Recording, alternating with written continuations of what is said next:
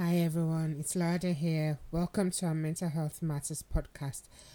Today I'll be doing uh, the first of a two part series on emotions, and um, we'll have uh, concluding parts in a couple of weeks. So I will start off with uh, talking about emotions. So, um, what are emotions? Emotions are strong feelings that we all have. Um, it's a subjective state of the mind, and they can be um, our internal reactions to uh, stimuli around us, internally or externally. That's from the environment. And it's good at this time to differentiate emotions from mood. So it's it's a bit like what we have um, when we try to de- describe weather and climate. Um, so a mood is a state of mind that is that predisposes us to react in a certain way. So a mood is more or less a prolonged uh, state of the mind rather than um, the emotions which has uh, to do with our, our feelings just for a short period of time and generally our, our mood uh, determines how we see things or perceive things. So somebody who's happy uh, would tend to look at uh, the positive side of things. And somebody who's low in mood will tend to um, look at the negative aspects of things. So we can't say that emotions in and of themselves are not good or bad. It is what we make of the emotions. It is what we use of the emotions. It is how we react to these emotions that uh, will determine whether you know it's it's good or bad. Now we have a psychologist who worked um, in the early 1970s who did uh, a lot of work on emotion his name is Paul Ekman, and uh, he came up with six basic type of emotions. Now there are myriad types of emotions, and I, I, I would uh, liken this to well to colors because we have primary colors and then we have secondary colors. So he identified six basic emotions which we can correlate with, you know, our primary colors.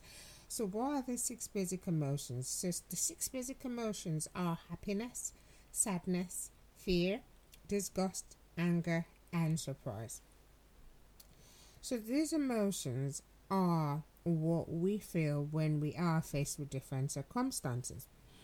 And the key thing to note is for one uh for, for one of the emotion, there's a corresponding other one of the emotion. So for happiness there is sadness.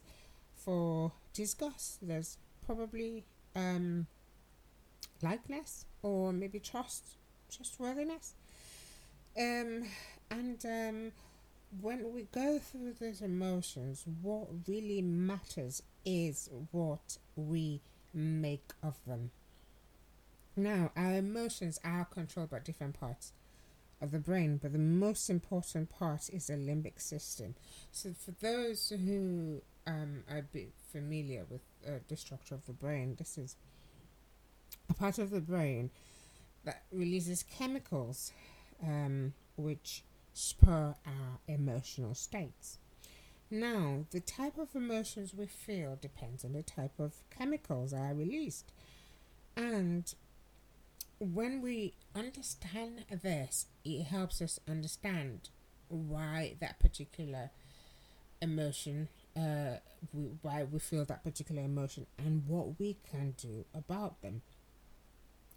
So, knowing we have emotions and knowing what triggers them and the importance of how we deal with emotions and react to the emotions are really quite important because as i said before emotions and in and of themselves are you know things that we can you know make use of ourselves now i uh, read somewhere some time back where somebody said when employing uh, an employee, it is very important to test their emotional intelligence. Now, the emotional intelligence really is the ability um, to know their emotions and to take pertinent steps to take out the positive sides of uh, the emotions and how to deal with them. So, go, going forward, um, I'm going to talk about emotional intelligence more in the next episode, and I'm going to go into how to, you know, make good use of the emotions we have. People tend to shy away from emotions. People tend to shy away from talking about emotions. People tend to shy away from talking about how to deal with emotions.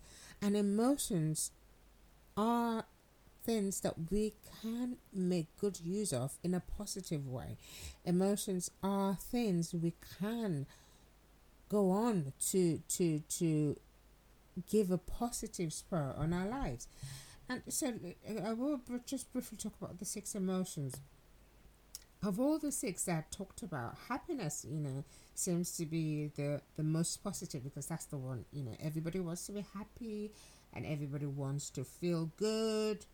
And, um, you know, it's easy to tell when somebody's happy when you see them or when you're talking to them through, you know, the smile, um, the positive outlook that I'd mentioned before, and um, it, it's it's very easy to to get carried away and say yes you know happiness is the emotion i want to seek all the time because yeah it, it makes me feel good and it makes me see positive sides of everything. But all the other emotions also can have their uses and can uh, are things we have to acknowledge are there and we have to learn how to deal with them and use them. Uh, there's a you know very popular quote that says life isn't you know nice life isn't um, more of what happens to you. I'm not saying it directly you know as, as it was quoted now. Life is more of how you react to it. So it's the same with emotions. It's how how you react to the emotion that has come through that you feel and how what you do about it essentially. So going on there's sadness you know. Um sadness is, is, is a negative one because you know it's not something people want to feel and that people tend to shy away and not want to talk about. While con- contrarily, sadness is something that we should openly talk about because this is an emotion. There is a trigger. There's a reason why sadness has come on, and it's something that we can use and look at to pinpoint what makes us sad and what how to avoid it or how to deal with it. The other uh, uh, emotion is fear. Now, fear is a very, very, very important one because fear is a very crippling emotion because a lot of people don't achieve their potential because of fear because they have this um huge feelings of fear of you know failure fear of uh, things going wrong and you know fear that fear of um that fear controlling a huge aspect of their decision making. Now, as I said some uh, on on a, a thread recently, uh, the key thing about knowing these emotions and acknowledging them is to know the driving factor. It's to acknowledge, is to look through and decide what I think is behind it. And an example will be when we have that uh, what's commonly called the fight or flight response, where you know you, you just become really, really afraid, and you have the normal physiological changes in the body, and you just have to stop and think why, rather than that first response of you know flight, you have to stop and think what exactly is what exactly am I afraid of? What driving this fear? What has brought this fear on? And it's a it's a very powerful emotion that people have to learn to face up to. So that's for fear. And I'll go on to anger. Now, anger is another very powerful emotion like fear because it, it is a huge, huge driving factor, especially uh, when um, people struggle with extreme angry outbursts. It's caused damage in relationships. It's caused so much uh, um, consequences on the people who have such angry outbursts. And uh, like I said previously, it, it plays a huge part, you know, in our lives, and it's it's a very important emotion that we can't ignore. So when it comes again, the key thing is why is this anger present? Why has this anger come through? And what is making me angry here and you know what is the uh, response? I should have towards this which also brings me to that stop think and react um, scenario of dealing with fear. Is the same as dealing with anger. Now the other one will be disgust. Now this is uh, like a, a, a, a, a way of saying something is you know revolting to to somebody who's feeling the emotion and uh, you find it uh, distasteful or you find it um, not not um, to your liking in, in, simple terms. And this this is one of the basic emotions because when we're combining with a, a, few other ones we come up with what i will call the secondary emotions besides the basic ones and then going on to surprise. Surprise is another pleasant one because everybody wants, well, mostly pleasant. Everybody wants to get good surprises, and you know, it's something we you know we all appreciate when there's like a surprise, a surprise party or a surprise event or a surprise promotion or something that is positive. It can be negative as well, but it's it's um another one of the emotions that triggers the fight or flight response. And it's another one of the emotions that we uh, we have to learn to master. So when we look look at the the uh, important ones that we do need to learn to master. Surprise is another one because you can imagine being startled um, while trying to cross the road and just you know just jumping into an oncoming vehicle without actually looking uh, at what surprised you, which mm, would have been, you know, the fight or flight response, and your first response was to, you know, take a flight and run. So this is another one of those ones where you know we have to take a good control of and master. So outside these six uh, basic ones, we have so many other ones. Um, several um, hypotheses have come up with numbers. Some have suggested numbers in the 50s, some have suggested numbers in the hundreds.